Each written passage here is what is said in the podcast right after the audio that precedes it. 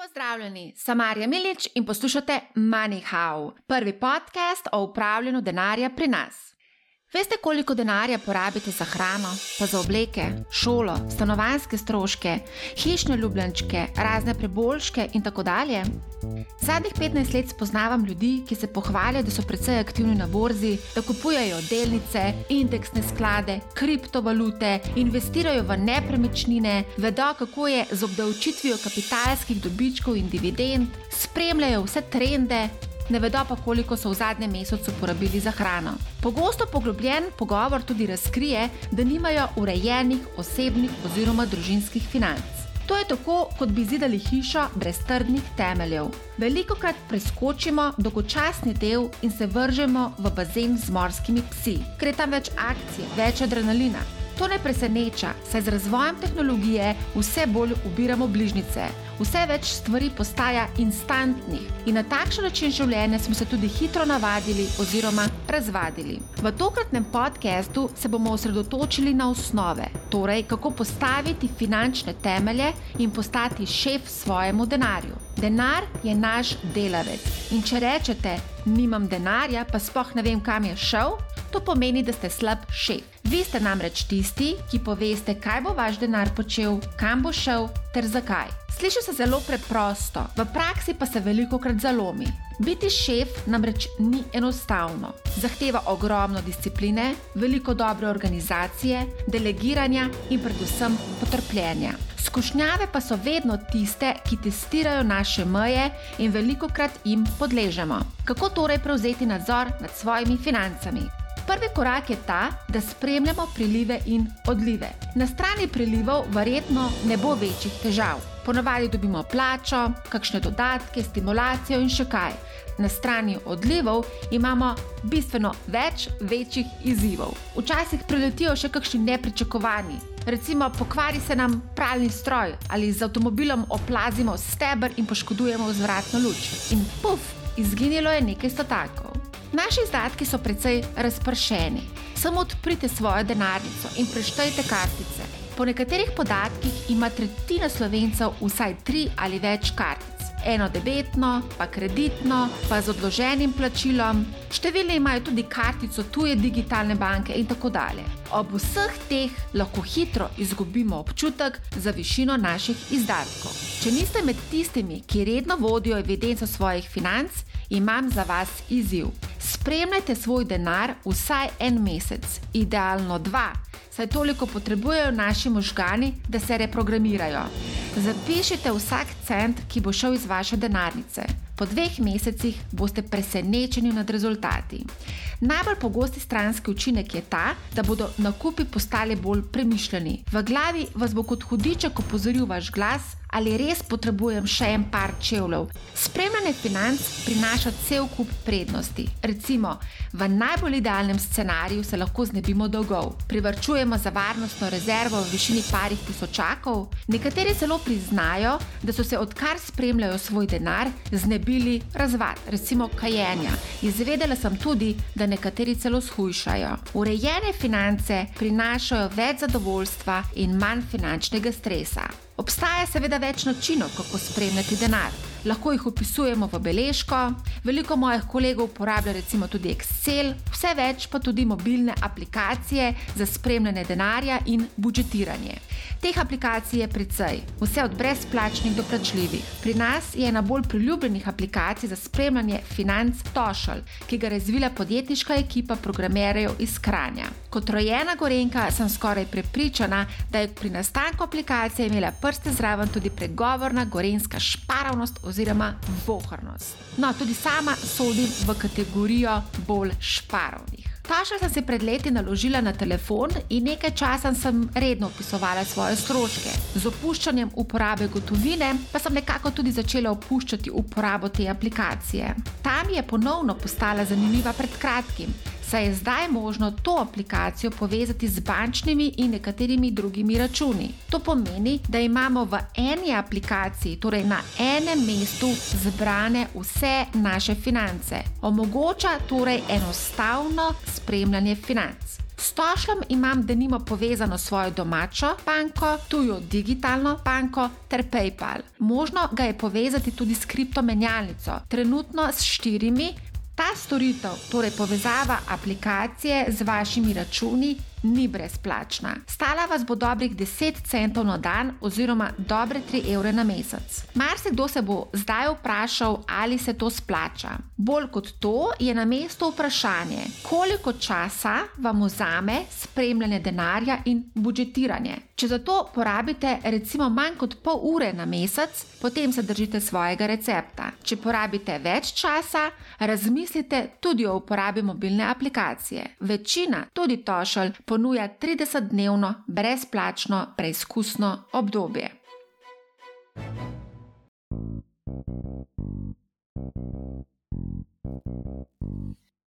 O tem, kako prevzeti nadzor nad denarjem, se bom pogovarjala z Maticem Bitancem, soustanoviteljem in direktorjem podjetja Tošal. Preko te mobilne aplikacije svoje finance spremlja več milijonov ljudi iz praktično vseh držav sveta. Lep pozdrav, Matic. Živo.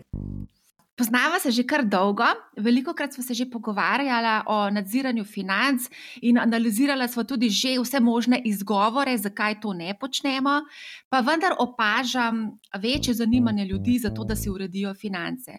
Še zlasti v času novega leta je spoh zadnje leta trend pri zaobljubah tudi ta, kako spraviti finance v red. Ali morda tik po novem letu opazite povečano število novih uporabnikov tošla? Uh, ja, konkretno se je povečal po novem letu, te novoletne zaobljube imajo precej velik vpliv. Uh, Obenem se mi pa zdi tudi, da je nekako ta, ta prehod leta in občutek, da zdaj pa lahko z čistega začnem v novem letu, uh, je, je kar pomemben in se mi zdi, da dosta ljudi vzpodbudi. Uh, ja, to se pač podobno kot pri fitnesih, potem malo več dogaja v januarju, februarju, uh, potem pa počasi upada. Ja, tam enega februarja se še nekako zdrži, potem pa res začne upadati. Ja. Tako kot sem že omenila na začetku, preko Tošla svoj denar nadzira oziroma upravlja več milijonov ljudi, sva lahko bolj konkretna, koliko je registriranih uporabnikov globalno in pa koliko jih je v Sloveniji registriranih. Uh, registriranih imamo nekoliko več kot 3 milijone, mislim, da je tam 3 milijone 200 tisoč trenutno.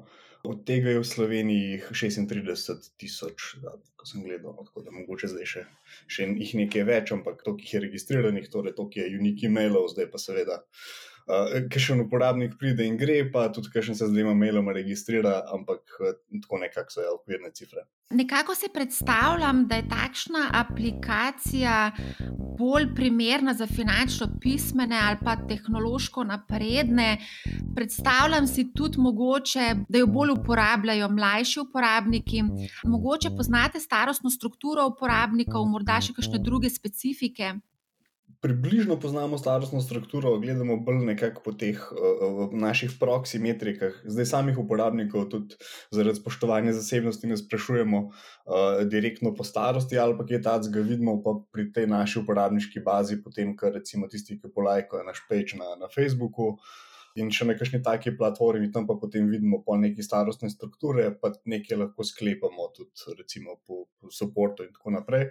In ja, na najbolj uh, mislim, najbolj zastopani uporabniki so tam nekje med 18 in 40, torej mlajši ljudje, ki so pripravljeni uporabljati tehnologijo, pa so v enem že v tej fazi, da morajo upravljati s svojimi osebnimi financami. Kaj pa recimo po spolu? Ženske so ponavadi tiste, ki prevzamejo vodenje tako imenovanih gospodinskih stroškov ali pa financ, naložbe pa padejo na pleča moških. Je, tukaj ni toliko raz, eh, izrazitih razlik. Mislim, da je celo mečkano več moških, ampak to pripisujem bolj temu, eh, recimo, tehnološkemu zanesenjaštvu. Pa da je mogoče, eh, smo še vedno tam, da, da moški malo hitreje pomislijo na to, da, da bi lahko to zadevo urejali z API ali kaj takega. Ampak ja, ni, ni pa neke velike razlike. No. Mislim, da smo skoraj uravnoteženi na tem področju. Druga stvar, ki je ključna pri spremljanju denarja, je aktivna uporaba aplikacije. Zdaj, nekaj si na začetku že povedal, da se nekateri prijavijo, pa odjavijo, in tako dalje. Skratka, disciplina in konsistentnost sta ključna pri spremljanju financ. Kolikšen odstotek registriranih uporabnikov je aktivnih uporabnikov, se pravi, da aktivno uporablja aplikacijo? To bi zdaj pač pomogel v državah eh, pogledati, ker je eh, precej recimo, nekih tu zgodovinskih okoliščin. Recimo, tako, da, da rečemo, odokativno 10% uh, jih tudi aktivno uporablja. Uh, je pa ta delež, recimo, manjši pri nas na, na kitajskem, ker so imeli par let nazaj neko promocijo, ki nas je dal Apple na prvo stran kitajskega App Store, in pa so imeli pač nekaj mesecev hud naval kitajskih uporabnikov. Ampak te so potem z leti nekako odšli, ker smo manj pozornosti lahko posvečali temu tržišču, pa tudi nismo mogli potem nuditi nekih bančnih povezav zaradi lokalne regulacije na kitajskem in uh, neprebojnosti tržišča, tudi kar se tiče ne, naše sposobnosti komunicirati v kitajščini in tako naprej. Tako da se te procenti lahko razlikujejo, ampak je, ja, da, da skrajšam 10% od oka. Ja, kje so pa najbolj pridni? Ja, tukaj je spet državno, uh, mislim, specifika po državah, ker v nekaterih državah smo že zelo dobro pokrili vse pač največje banke v državi, ali pa pač praktično vse, in lahko avtomatsko uvažamo z bančnih računov. Te uporabniki so definitivno bolj pridni v narekovajih, ker jim potem večkrat dnevno vse, kar pač se zgodi na banki, avtomatsko pride tudi v ošal in potem rabijo trekati samo še gotovino.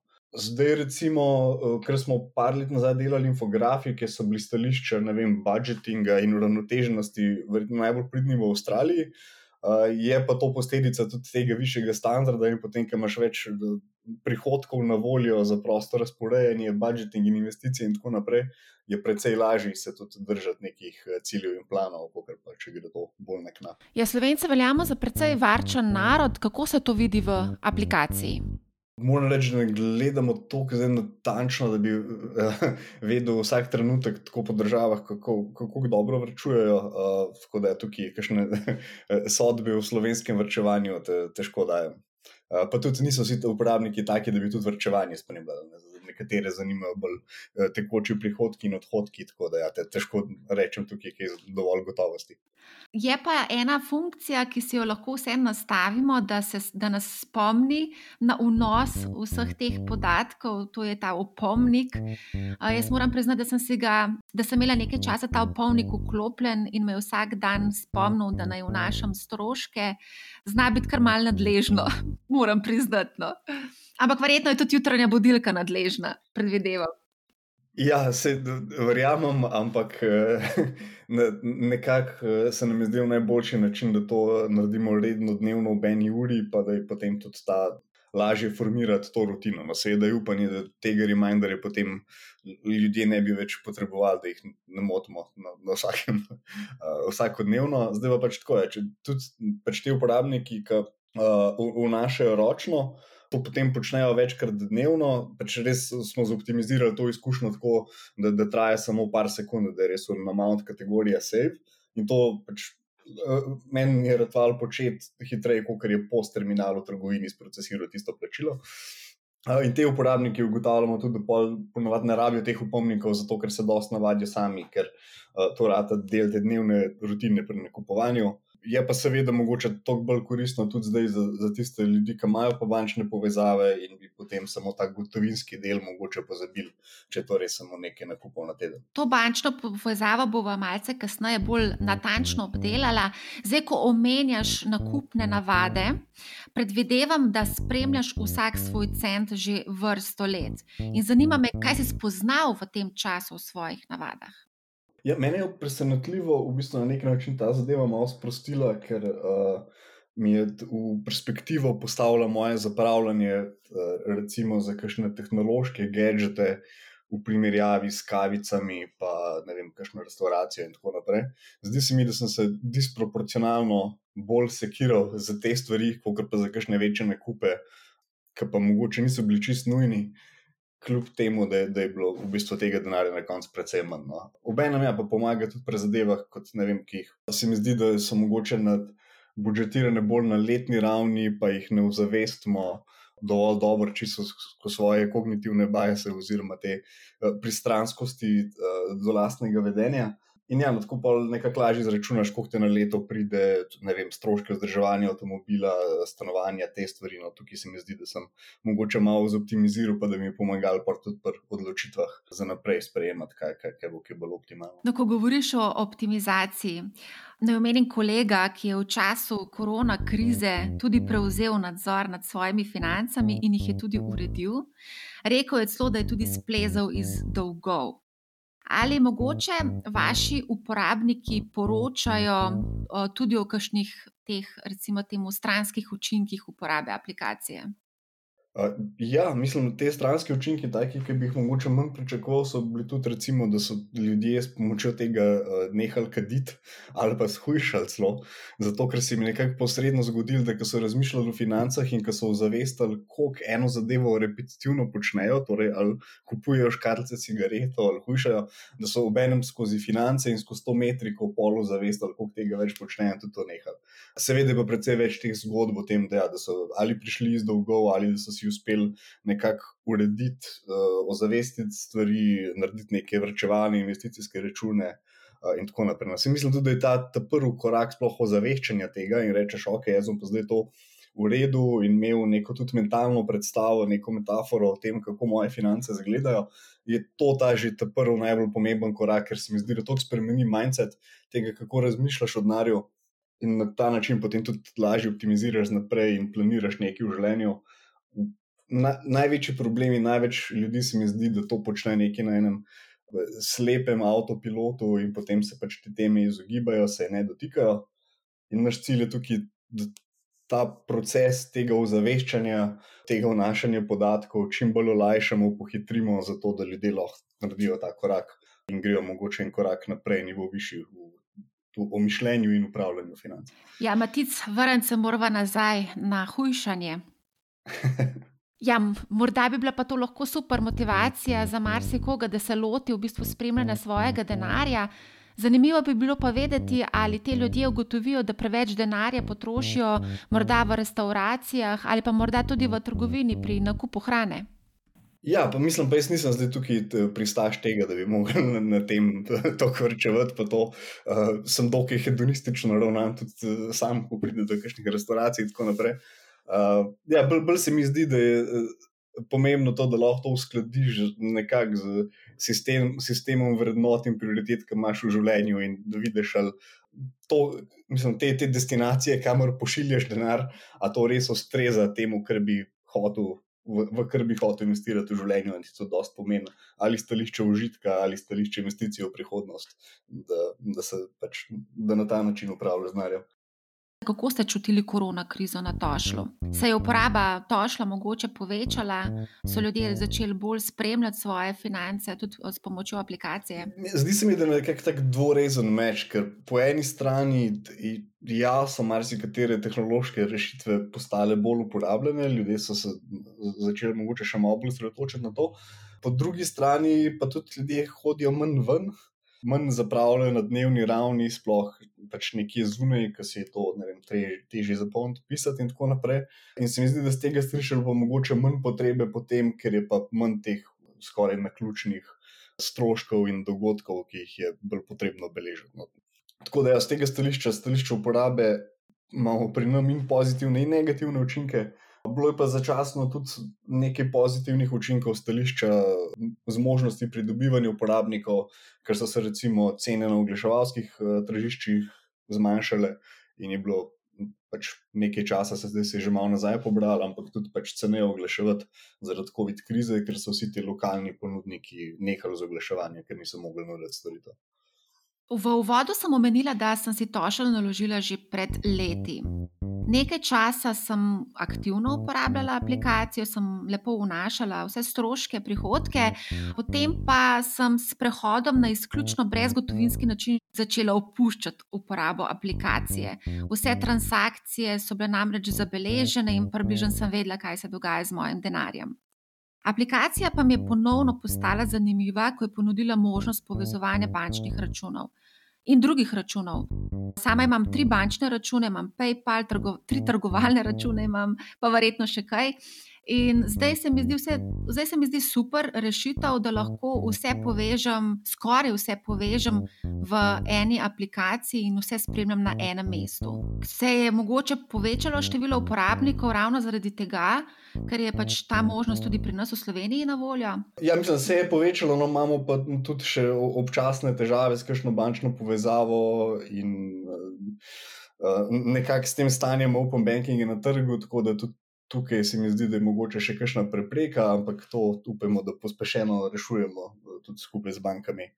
Uh, in da bo tukaj malo lažje. Tako da, na kratko, so banke, ki že super delujejo, pa tudi kašne, kjer se še kaj zatakne. Tako da to, ta stvar mogoče malo uvira na čase, ampak ja, na splošno se pa zadeve popravljajo in za večino bančnih računov v Sloveniji lahko tudi avtomatsko uvažamo. In kot si že omenila, uh, ta, ta prava magija se zgodi potem, ko uh, dodaš še kakšen račun. Pa, In potem na enem kupu vidiš, kako stojijo te finance. No. Ta, ta stvar se mi zdi, da je spet ena od teh stvari, ki je zelo težko ozavestiš, dokler ne pripeleš nekaj podatkov skupaj, pa, pa da vidiš, kako se vse to primerja. No. Tudi uh, se mi zdi, da uporabniki, ki pa še uporabljajo zraven več valut, oziroma imajo še več bančnih računov v različnih državah, pa to tukaj štejem tudi, ne recimo PayPal pa razne uh, trgovalne račune, ki si jih omenjala, tukaj ta zadeva še toliko bolj prav pride. Ko govoriš o težavah s povezovanjem, lahko povem svojo izkušnjo. Jaz nisem imela nobenih težav, sem pa morala, mislim, da trikrat unesti kodo, ki mi je bila poslana prek SMS-a. No, se o, o takih eh, stvarih govorim. Ja. Uh, pač... Jaz sama nisem smatrala to kot neko težavo. Mislim, doskrat je, zdaj ne, ne vem uh, specifično, kater primer je bil, ampak ja, marsikje smo ugotovili, da pač pride do tega, da morajo potem uporabniki trikrat opisovati, pa ni očitno, da se bo to zgodilo in se nam zgodi, da večina obupa pri takem koraku. Ja, kako pa bi moralo potekati? Ja, načeloma te povezave delujejo na zelo podoben način, vsaj kar se tiče autentikacije, kot poznaš recimo iz login with Google ali pa with Facebook. Mi pač uporabnika preusmerimo na spletno stran banke in se prijavi na sami spletni strani banke, mi pa potem od njih dobimo potrditev, če je šlo vse v redu, torej če je uporabnik se prijavil tako, kot ima podatke pri njih, in potem dobimo podatke o transakcijah če gre vse v redu, in se to pač obnavlja večkrat dnevno, uh, podatki se posodobijo tudi, ko uporabnik odpre aplikacijo in tako naprej. Ampak ja, zdi se mi tukaj, da in na strani bank, in na strani uporabnikov je še malo obdobje tega navajanja, uh, takega načina prijave in uh, kako ti sistemi delujejo. Ja, kaj ne rečem, očitno nisem tako zahtevna stranka. Tošal ste povezali s skoraj 15 tisočimi bankami in ponudniki finančnih storitev po svetu. Torej, tam vse poteka normalno, brez kakršnih koli težav. Ne, mislim, marsikje se pojavljajo kakšne države, ampak uh, večinoma v veliki večini teh 15 tisoč institucij deluje. Je pa zdaj pač za razumevanje tega, kako te povezave delujejo, pa zelo specifično vsak trg. Zdaj Slovenija, kot članica Evropske unije, lahko rečemo, da tuk, na nek način tukaj orje ledino. Mogoče še malo pred njimi je bila Velika Britanija, oziroma pred nami, uh, oziroma takrat je bilo tudi še del Evropske unije, ampak so mogoče malo bolj pohtel s to implementacijo Open Bankinga in so zato trenutno kakšno leto, dve v prednosti tudi tega, kako je to preizkušen in delujoče. Medtem ko po Evropski uniji pa obstaja ta Payment Services Directive, na kratko PSD2, ki pa zapoveduje vsem bankam Evropske unije, da takšne povezave nudijo. Zdaj ta zadeva je nekako v, v procesu zakonodajnem, bila je nekaj let in potem zdaj smo v, v večjih rokih uveljavljanja tega, ampak zdaj že kakšno leto in pol bi mogli vse banke po zakonu nuditi tako povezovanje in nuditi uh, tudi podatke o transakcijah, ki jih drugače uporabnikov uh, na online bankingu. Tako da ja, Slovenija je pač del tega in tudi zaradi te evropske zakonodaje so banke to dolžne nuditi in zato se lahko povezujemo na tak način. Kje druge po svetu pa večinoma dela to prek scrapinga, torej prek online banke, ki jo potem ta avtomatski sistem eh, preskenira za transakcije in spravi to v nek standardiziran format, ki ga lahko beremo eh, in na tak način poročamo uporabnikom. Zdaj, ko govorimo o povezovanju naših računov z raznimi temi aplikacijami, moramo tudi pač omeniti varnost. Marsikdo bo namreč zastrigal z ušesi, češ da ne zaupa svoje finance startupu, kako je poskrbljeno za varnost, kdo ima pogled v moj račun, ali lahko pride do zlorab. Recimo pred leti, ne vem, če se spomniš, so nekateri bančniki kar tako malce iz radovednosti gledali v račune slovencev prek uh, SISBONA, to je informacijski sistem bonitet komitentov. Se lahko kaj takega zgodi? Mi se zelo striktno držimo naše politike zasebnosti, to tudi preverjamo. Dostop do, do samih podatkov se zgodi takrat, ko nam uporabnik javi, da, da ima nek problem, oziroma rabimo preiskati, kaj se je zgodilo, torej na uporabnikov poziv in z uporabnikovim dovoljenjem, drugače pa pač nikoli ne pogledujemo podatke, razen pač, kar se dogaja avtomatske analize na strojnem nivoju, to, da lahko uporabniku predstavimo te številke, ni pa to v pogled. Tudi delam uh, redne security checke, kjer se pač, pogleduje, pač pregledujejo logi in v, v pogledi v te podatke, in potem za vsakega posebej preverjam, ali je to upravičeno na podlagi support ticketa in na se user res prosil za to. Seveda so podatki tudi eh, šifrirani, vsi zasebni podatki so šifrirani na nivoju baze, vse, kar se zgodi na nivoju API-ja, torej sinhronizacija z mobilnimi napravami in povezava z bankami, to je vse šifrirano 256 AS 2804 oziroma 2048 bitni ključi in tako naprej. To so v glavnem enake tehnologije, ki jih uporabljajo tudi banke, večinoma na svojih sistemih.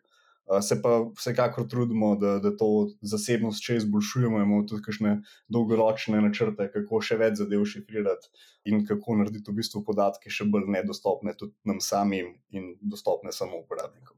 Zdaj, ko govoriš o vsem tem šifriranju, deva se še dotakniti drugih računov, ki jih je možno povezati. Eh, v Tošlu in sicer to so računi, ki jih imamo na kriptomenjalnicah. Trenutno mislim, da ponujate štiri račune, ki jih je možno povezati, med njimi tudi Bitstamp in Coinbase. Teh menjalnic je malo morje. Sama imam račun na Kraknu, tega recimo ni na seznamu. Ali boste ta seznam še dopolnjevali? Bomo tukaj tudi pri menjalnicah, je neka kombinacija naših lastnih povezav, pa nekaj, ki jih delamo skupaj z, z partnerji, Soltedžom in Pledom, ki nam pomagajo pri standardiziranju teh povezav. Tako da, ja, definitivno bi radi še razširili našo kriptofunkcionalnost in uh, dodali tudi kakšne wallet in take stvari. Zdaj, s časovnimi plani in prioriteto z ostalimi zadevami, ki jih moramo razviti, je pa zmerno ta bitka tega uravnoteževanja, kaj nam je zdaj največja prioriteta. No. Tako da, definitivno se pa še naprej trudimo tudi na tem področju. In, evo, kot zanimivo, lahko omenim, da podpiramo tudi 75 uh, kriptovalut, trenutno z dnevno osveženimi tečaji. Tako da, tudi če neke avtomatske povezave za določen wallet ali kaj takega še ni, lahko to uporabnik unese kot ročni račun in neko stanje v teh kakršnih koli kojnih že so, pa se bo vrednost teh kojnov avtomatsko osveževala s temi podatki, ki prihajajo vsako uro v novih vrednostih valut. To je lahko alternativa, če slučajno pač ne moreš povezati račune. Ja, ja, bomo pa vsekakor čim več menjalnic probali podpreti tudi v prihodnje in pa raznih drugih načinov hranjenja. Zdaj, ko govorimo o trgovanju, jaz sem precej aktivna tudi na borzi in v aplikaciji pogrešam trgovalne račune. Pozila sem, da je možno tožel povezati z Revolutom, ki med drugim tudi ponuja trgovanje, ali imamo tudi v pogled v premoženje na tem trgovalnem računu. Zdaj, tukaj, kateri podatki so deljeni na strani banke, je malo triki, ker recimo če govorimo o teh EU povezavah, kjer je tudi Revolut in ta PSD2 povezava, tukaj jih zakonodaja primora v to, da delijo transakcijski račun in podatke tam. Investicijski računi so, mislim, če nima svojega IBAN-a, je malo, je malo triki in je odvisno od posamezne banke, kaj bo delila in kaj ne. Zdaj ne vem čisto procentno, ampak mislim, da ni mogoče investicijskih računov posebej videti pri Revolutu. Torej, pridejo pač kreditne kartice skozi in vrčevalni računi, ne pa tudi investicije. Mogoče bi pa bolj natančno preveriti, pravzaprav Revolut. In pa ja, tudi sam bi rad videl precej več investicijske funkcionalnosti, ampak to je en, en del tega problema, da je preveč stvari za narediti in premalo časa. Ampak ja, podpiramo tudi nekaj teh večjih brokerjev uh, po svetu. Ampak ja, tukaj je definitivno eno področje, kjer bi radi še bolj razširili in tudi pomagali ljudem slediti investicije, ki je boljš, kot pa samo skozi to neto premoženje osebno, kjer je seštevek vseh računov, kar uporabnikom kažemo zdaj. No. Kar je tudi na nek način pokazatelj uspešnosti portfolija in investicij, ampak je, je vsaj poročeno v nekaterih primerih. Čeprav razumem, v prihodnosti lahko pričakujemo tudi eh, možnost povezovanja z trgovalnimi platformami, recimo Interactive Brokers, First Trade, eToro in podobnimi. Ja, vse v resnici Interactive Brokers smo nekaj časa podpirali in ga trenutno imamo nazaj v beti, ker je s platformo nekaj API, API težav in naši partnerji niso uspeli še odpraviti tega, tako da smo začasno mogli umakati Interactive Brokers. Upamo pa seveda, da ga lahko v prihodnosti dodamo nazaj. Bi se pa seveda veselil tudi kakšne poglobitve zakonodaje na tem področju, da bi tudi take platforme potem nudile tak način povezovanja in apija, ker je pač trenutno dokaj odvisno od njihovega prostovoljnega sodelovanja, in neki večji trgovci to že sami počnejo, kakšni manjši pa mogoče tudi ne. Povedati moramo tudi, da je ta funkcija samodejne sinhronizacije, torej povezave z bančnimi in drugimi računi, plačljiva.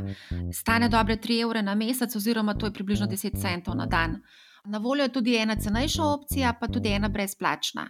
Ponavadi pri teh aplikacijah mobilnih več plačaš, več dobiš. Uh, ja, tako mi smo, torej, kot se reče, za dokaj raziskovalko, freemium subscription. Torej, imamo en kup funkcionalnosti, ki je na voljo za ston, pa tudi vsi plačljivi paketi imajo 30-dnevni brezplačni preizkus.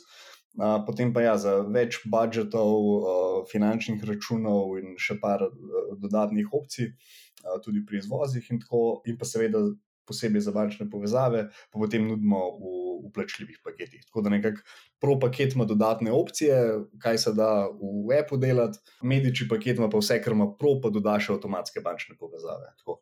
Tudi pač mi imamo kar nekaj stroškov z vzdrževanjem teh povezav, skupaj s partnerji in z razvojem tega softvera, tako da ja, se, se, se nabere teh stvari, ki jih moramo vzdrževati, in zato pač tudi uh, take storitve ne morejo biti ravno povsem zastonj. Ja, koliko pa imate plačljivih uporabnikov? Ne delimo jih javno točne številke, ampak ja, re, rečemo, da nekaj procentov od teh eh, registriranih. 30 imaš brezplačno na voljo uporabo aplikacijo. Ne? Koliko jih potem dejansko sklene naročnino? Pa mogo bi točno pogledati, zdaj, koliko je eh, drop-off na posamezni platformi. No? Ampak uh, nekako, ker gledamo na, na Google Playu in iOS-u je cirka 40% od teh, ki se naročijo na brezplačni preizkus, jih potem tudi podaljša oziroma izvede prvo plačilo. Tošal je bil večkrat v tujih medijih omenjen kot ena boljših aplikacij za spremljanje financ, pa vendar je konkurence precej in vsak dan prihaja nova. Kaj je v bistvu konkurenčna prednost Tošla? Morda to, da se lahko povežemo s slovenskimi bankami? Tudi. In pa seveda povežete z bankami v, v marsikateri državi. Obenem se mi zdi, da tudi v primerjavi z, z to poplavo uh, konkurence na tržišču smo tudi precej boljši v podpiranju različnih valut in potem, da imamo res neko globalno podporo po celem svetu in da lahko nudimo tudi račune v, v večjih državah in tako naprej, delamo z večjimi ponudniki. Obenem probamo pa nekako držati en ta, kako bi rekel, lahek, oziroma light-hearted pristop do, do teh financ in uporabnike, mogoče celo včasih malo zabavati ob tem in narediti to zadevo, predvsem manj, kako bi rekel, obtežujočo ali pa težko zadelo, ker se zavedamo, da je uporabnikom doskrat težko se začeti ukvarjati s financami in če lahko malo budrimo in uspodbujamo na. na Pri teh dejanjih no, se nam zdi to zelo vredno početje, tako da se trudimo tudi za tošil monstri in mogoče s kakšnim bolj uh, humornim uložkom vmes, da, da jim nekako pomagamo olajšati to početje. Ja, aplikacija je kar user-friendly, no? tudi zravno zaradi teh uh, pošasti, ki skačejo sem, ampak je, uh, je tako zelo simpatična aplikacija. Zdaj, navada je železna srca. Ne? Nekateri se recimo ne morejo navaditi niti na digitalni koledar in še vedno vnašajo svoje sestanke v namizni koledar, a pa kakšen blokac. Kako bi največjega skeptika, ki že celo življenje opisuje stroške v Excel, prepričal, da presedla na mobilno aplikacijo? Mislim, da najbolj očitna prednost je, je ta, o kateri so se ravno pogovarjali prej, torej te povezave avtomatske, ker Excel pač ne bo uh, samodejno dodajal podatkov iz različnih virov, dodal pravilnih menjalnih tečajev in takih stvari. Tako da se mi zdi, da je tukaj predvsej bolj avtomatiziran. Mislim, seveda je uh, lahko uporabniki. Nadaljujejo tudi s svojim Excelom, imamo tudi marsikajšnega uporabnika, ker sicer uporablja tošelj za primary input podatkov, potem pa te podatke tudi redno izvaža v Excel, da lahko potem nadaljne svoje analize na način, kot so že sami navajeni delo naprej. Ampak ja, zdi se mi pa, da tukaj sploh uporabnikom, ki niso pripravljeni več ur tedensko to vložiti, predvsej olajšamo ta način zajema podatkov in potem tudi predstavitev in pomagati pri analizi in vsem tem, da se vse, vse to spravaš sam početi v Excelu je precej nekega truda in, in znanja že potrebnega, da, da do tja prideš. No. Mislim, da je izkušnja, če to narediš, da stošljamo vsem precej boljše. Um, a mogoče tvoji starši ali pa stari starši uporabljajo tudi tošelj? Uh, ja, imamo uporabljati tošelj tudi z manjšimi povezavami uh, in, in redno sleditam. No, evo, vidiš. O direktivi smo že uh, nekaj povedala, prinaša odprto bančništvo, in s tem tudi napredne rešitve plačevanja. V prejšnji epizodi smo se pogovarjali o takojšnjih plačilih, kaj lahko recimo še pričakujemo. Ja, od odprtega bančništva, predvsem mogoče tudi samo izvajanje plačil, ker zdaj smo v bistvu na, na, na točki, kjer uh, se gremo ta uh, account information service, torej informacije o samih računih, mi jih uvažamo prek teh API-jev, ampak v tej zakonodaji je seveda predvidena tudi možnost izvajanja teh plačil. Torej, da lahko uporabnik, naprimer na tošlu, zahteva, da se izvede to nakazilo iz banke na ne vem, nek drug račun in lahko to zahteva že iz, direktno iz tošla. To je recimo nek naslednji logični korak, za katerega rabimo tudi nekaj rešiti našo licenco in pač zadostiti vsem pogojem regulatorja in tako naprej. Ampak tukaj potem eh, ta, ta preskok iz tega, da samo pomagamo z informacijami o denarju in boljše upravljanje, do tega, da pomagamo tudi neposredno upravljati in potem premikati ta denar med računi, delati konkretno vrčevanje, nakazovati ljudem in tako naprej. Se pravi, bo nekoč morda postal tošelj mobilna denarnica. Uh, ja, tudi na nek način. Ja. Odlično. Matic, najlepša hvala za zanimiv pogovor. Uh, hvala tebi za vabilo. Poslušalce vabim, da spremljajo svoje finance in tako prevzamejo nadzor nad njimi. Počnite pa to na način, kot vam ustreza, bodi se to zapisovanje v blog, Excel ali preko mobilnih aplikacij. Če vam je bila oddaja všeč, se naročite na MoneyHow, ne bo vam žal. Več o tem, kako zgraditi mednarodno podjetje, ki ima dobre 3 milijone uporabnikov po vsem svetu in težavah, na katere so naleteli, pa vam bo Matic Bitens iz Tošla razkril v biznis podkastu 99 Problems, ki prihaja k malu. Oba podcasta, tako MoneyHow kot 99 Problems, sta del ekosistema businessspace.com. Vabim vas, da obiščete spletno stran ali nam sledite na katerem od družbenih omrežij. Toliko za danes, imajte se lepo in ne pozabite, denar ne dela za vas in ne vi za denar. Lep pozdrav!